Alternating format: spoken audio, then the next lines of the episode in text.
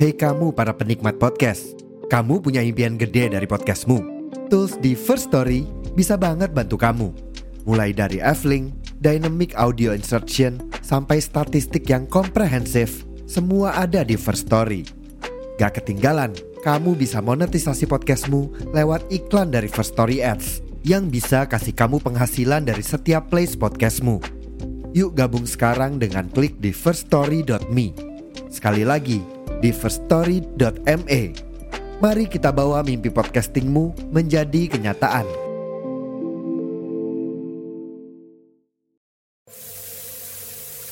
Podcast Satu Suro Activity bekerja sama dengan First Story.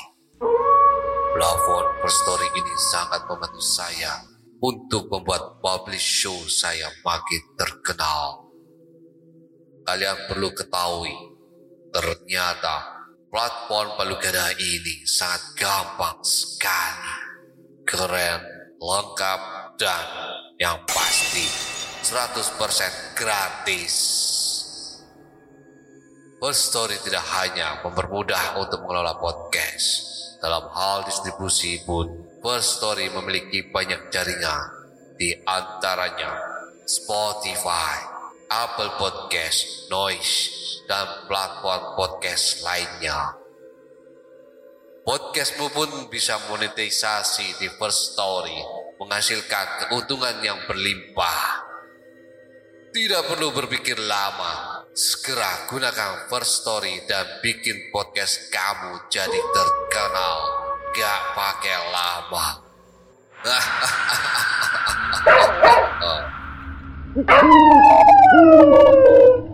啊嗯啊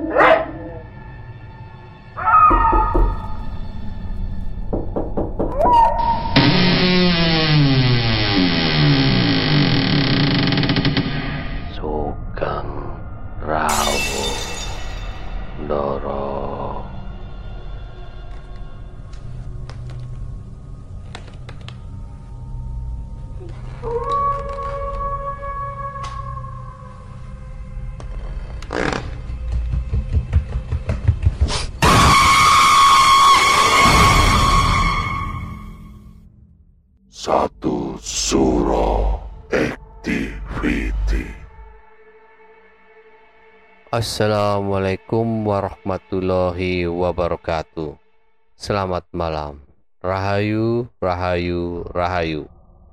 Para pendengar satu suro activity. Saya, Dr. Mistik. Episode sebelumnya. Perempuan itu dengan sigap menatapku dengan wajah yang memerah, marah, menyeringai, ganas. Aku pun kaget dan langsung dengan spontan mundur, terus jatuh dari kasur dan aku terbangun dengan keadaan terengap-engap kayak orang baru habis lari maraton. Percaya tidak percaya, mereka yang tak kasat mata berdampingan hidup di sekitar kita. Mereka yang tak kasat mata dapat menghuni di mana pun, bangunan terbengkalai, gua, rumah berpenghuni, bahkan di pepohonan. Seperti halnya kisah mistis malam hari ini, pengalaman dari Wulandari, seorang TKW Indonesia yang bekerja di Malaysia. Bagian kedua. Selamat mendengarkan. Empat bulan kulalui dengan cuek aja kejadian yang setiap malam menggangguku. Ima ya, tapi juga udah kerja dari pagi sampai sore. Di rumah pun banyak kerjaan. Kalau malam sering diganggu, kadang-kadang ada dua sampai tiga kali bangun malam. Sebab dibangunin sama Akung. Pakai bel yang bunyinya Masya Allah banget bikin jantung mau copot. Udah malam lo buat apa di dapur? Ada kerja kah? Tapi katanya aku nggak ada jawaban di dapur. Padahal dia udah pakai suara besar panggil aku. Aku juga nggak ada jawaban. Di dapur tuh kayak orang lagi ngamuk. Tapi setiap kali aku bangun lihat ke dapur, gak ada apa-apa. Barang jatuh pun gak ada satupun. Kebanyakan mulai dari jam 12 lewat 5 sampai jam 1 lebih 45 dini hari. Pasti teriak geram samping kamarku. Kelima bulan, aku udah males banget, capek. Jadi aku putuskan untuk cerita aja sama bosku. Selasa malam mereka pulang kira-kira jam 7 lebih 30. Aku ajak ngobrol di dapur dan kuceritakan semuanya dari awal. Awalnya bapak bos gak percaya walaupun raut mukanya kelihatannya lagi mikir-mikir. Ibu bos kayak antusias banget, tapi aku nggak ngerti mereka ngomong apa. Soalnya pakai bahasa Cina dalam. Tiba-tiba mereka berdua keluar. Anak-anak sama aku di rumah dengan pesan jangan buka pintu sebelum mereka pulang. Aku sih nggak berpikir yang aneh-aneh. Jadi aku buat pekerjaanku yang tertunda Aku mencuci piring sambil bernyanyi. Nyanyianku terhenti ketika melihat hujung jariku semuanya berwarna biru kehitaman pekat yang membentuk bulan.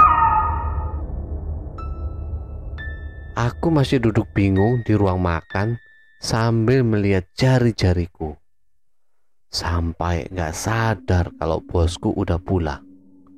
Bosku pun ikut bingung melihat jari-jariku entah kenapa tiba-tiba jadi seperti itu. Aku diajak bosku pergi ke bawah pohon mangga. Aku lihat dia keluarkan satu kertas panjang warna kuning dari kresek hitam. Kertas itu ada tulisan Cina di tengahnya berurutan ke bawah warna merah darah. Dia menembakkan kertas itu di pohon mangga, lalu memasang dupa dan menuangkan teh dari teko cantik kecil ke gelas plastik kecil semacam cetakan kue talam dan terakhir membakar dua bal kertas kuning dan merah yang mereka juluki itu uang. Lalu kita langsung masuk ke dalam rumah dan mengobrol tentang bepergian mereka tadi. Ternyata bapak bos mengambil selai daun mangga itu dan membawa ke orang pintar mereka. Dan orang pintar itu bilang, Memang di pohon itu ada sepasang kekasih yang tinggal. Tapi pas TKWmu datang ke rumah laki-laki itu mulai suka dan perempuan yang teriak setiap malam itu dia geram karena cemburu. Jadi dikasihlah doa pengusir yang harus ditempelkan di pohon itu. Waduh, ada setan cemburu sama saya ini. Malam itu gak ada kejadian aneh sih tapi seperti biasa aku selalu terbangun malam karena perasaanku kuat. Seakan lelaki itu selalu melihatku tidur sambil tersenyum. Ngeri. Besok pagi-pagi banget aku sudah terbangun karena harus beres-beres rumah dulu baru siap-siap berangkat kerja. Begitu juga dengan bosku yang sibuk memandikan anak-anaknya di pagi hari yang masih gelap gulita karena harus pagi-pagi banget ke bandar. Pas mereka mau pergi, bapak bos terkejut sebab melihat kertas itu sudah tidak ada di batang pohon. And ban mobilnya kempes semua. Wah, jahil ini setannya ya. Hari itu kita tidak berangkat kerja karena bingung dengan keadaan semalam itu. Semalam gak ada angin, gak ada hujan juga.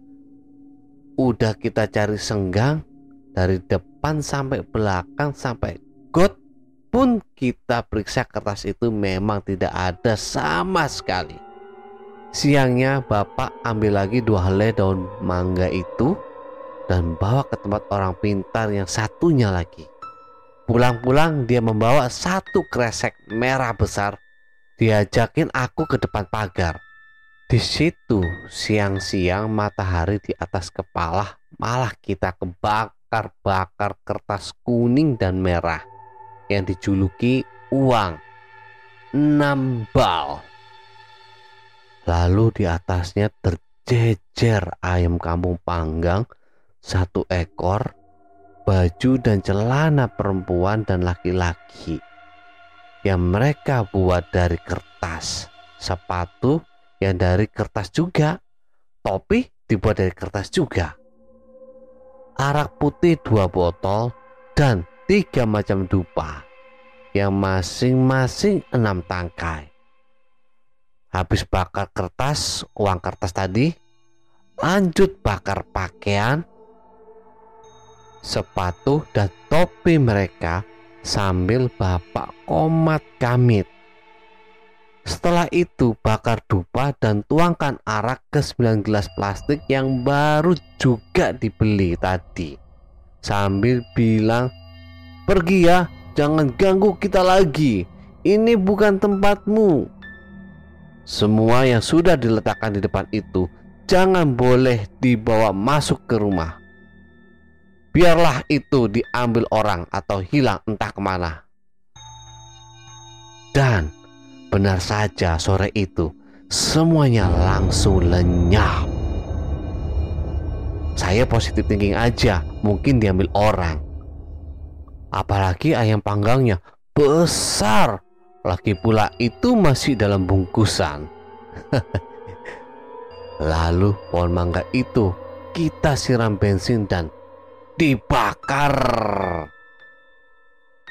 Para pendengar, itulah tadi kelanjutan penghuni pohon mangga bagian kedua. Pengalaman mistis dari Mbak Wulandari yang bekerja menjadi TKW di Malaysia. Bagaimanakah kelanjutannya setelah pohon mangga itu dibakar? Jangan lupa ikuti terus kisahnya part 3 minggu depan. Para sahabat satu suruh activity, tinggalkan catatan doa kalian di kolom komentar, like, subscribe, dan bunyikan lonceng keramatnya. Para sahabat satu surah activity, tetaplah iling lan waspodo. Assalamualaikum warahmatullahi wabarakatuh. Salam, salam, salam.